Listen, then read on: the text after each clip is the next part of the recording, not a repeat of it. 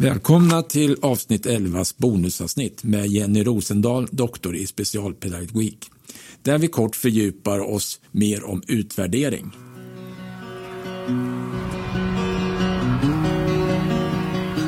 Man, Jenny, om man tänker på en klassrumssituation och din forskning eller utvärdering och så. Jag tänker att man kan omsätta processen med aktionsforskning och att eh, lyssna på eleverna i en klassrumssituation. Jag tänker att man, eh, man planerar ju en lektion mm. Eh, och man genomför en lektion och sen så frågar man helt enkelt eleverna eh, Eh, hur upplevde ni den här lektionen eller den här lärresursen eller vad man nu har tillsatt så att säga. Eh, eller om man har gjort extra anpassningar för en elev så frågar man helt enkelt eleven efteråt hur upplevde du det här? Och sen så eh, reflekterar man själv naturligtvis, kanske med en kollega. Reflekterar tillsammans med eleverna och sen gör man om lektionen lite grann efter vad man har kommit fram till och så provar man igen. Eh, så genomför man en ny lektion eller en ny mm. lärresurs eller nya extra anpassningar. Eh, och så frågar man igen eleven. Var det bättre, var det sämre, vad var bra, vad var dåligt, hur kan jag förändra det här?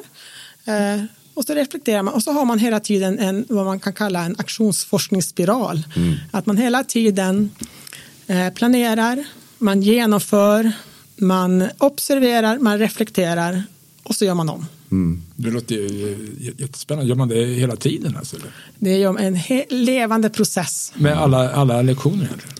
Ja, det kan man ju göra. Eller att man samlar i ett ämne eller ja. beroende på vad syftet, återigen som mina medforskare sa, vad är syftet? Precis, sen kan det vara vissa, som, vissa, något ämne som kan vara mer intressant i och för mm. sig just av, av, olika anledningar och någonting. Men just det här där du säger att hur, gick, hur var den här lektionen och sen har du några aspekter på det. Mm. Det skulle man ju kunna ha som ett mantra, eller inte mantra, kanske efter varje lektion egentligen. Liksom. Och jag tänker speciellt lektioner som kanske inte går så bra. Mm. Mm. De lektioner som rullar på och man ser att eleverna är med, de mm. kanske man ska vara mm. nöjda med och mm. känna att det går bra. Men det brukar ju ibland vara att vissa lektioner inte fungerar riktigt lika bra. Att man faktiskt då vågar eh, fundera på hur ska jag arbeta, att man genomför det frågar eleverna hur deras upplevelse, tänk, mm. fråga om de kan ha någon input som de kan ge.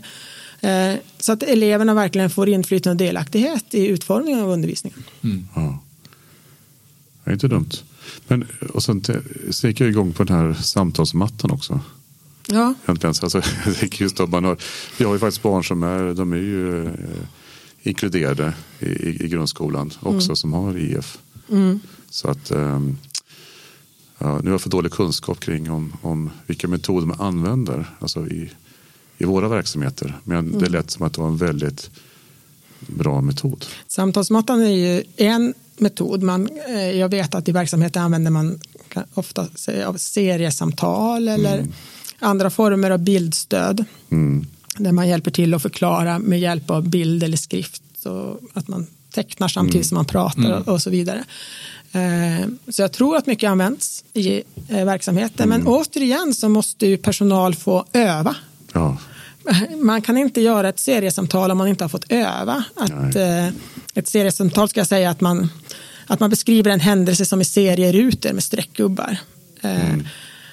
Och det märker vi på våra studenter att så fort de har fått prova att rita streckgubbar så går det ju mm. lättare. Men mm. det, det är en tröskel innan, från att teoretiskt veta att det mm. finns en metod som heter seriesamtal till att faktiskt verkligen våga använda den. Så det, det, liksom, det gäller att äga metoden för det går inte att köra så light-varianter eller köra delar av utan någonstans som, så ska det bli ett resultat så får du köra från A till B. Oh.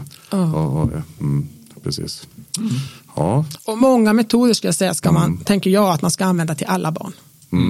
I hela klassrummet. Mm. Eh, för det är många barn som behöver olika stöd. Eh, och vi själva är ju hjälpta av bilder. Det vet mm. vi ju. När vi är stressade så hinner vi inte läsa. Då tittar vi på bilder och så vidare. Att vi mm. tar till oss information. Så.